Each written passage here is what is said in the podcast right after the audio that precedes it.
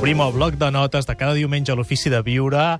No són els e-mails d'amor d'en Jordi Llavina. Hola, Àlex Rovira, molt bon Hola, dia. Gaspar. Ben retrobat. Amb un text anònim sobre l'amor. És un text que segur que té autor, però fins ara, malauradament, no he aconseguit esbrinar eh, qui l'ha escrit.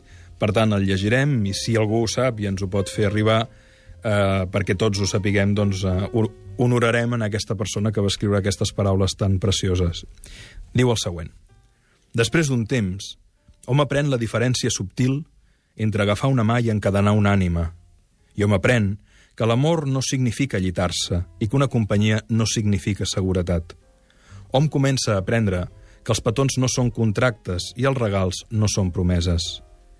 I hom comença a acceptar les seves derrotes amb el cap alt i els ulls oberts i a aprendre a construir tots els seus camins avui perquè el terreny de demà és massa insegur per fer plans.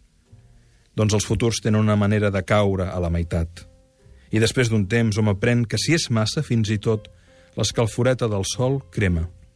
De manera com planta el seu jardí i decora la seva ànima, en lloc d'esperar que algú li porti flors. I hom aprèn que realment pot suportar-ho, que hom és realment fort, que hom realment val. I hom aprèn i aprèn, i amb cada adeu hom aprèn.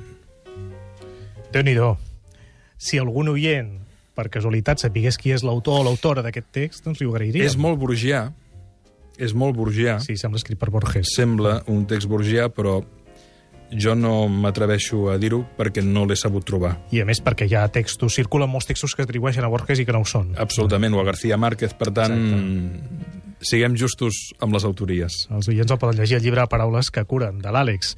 Doncs moltíssimes gràcies, Àlex. A Que tinguis molt bona setmana. Una Fins abraçada diumenge. a tots. Fins diumenge, Gaspar.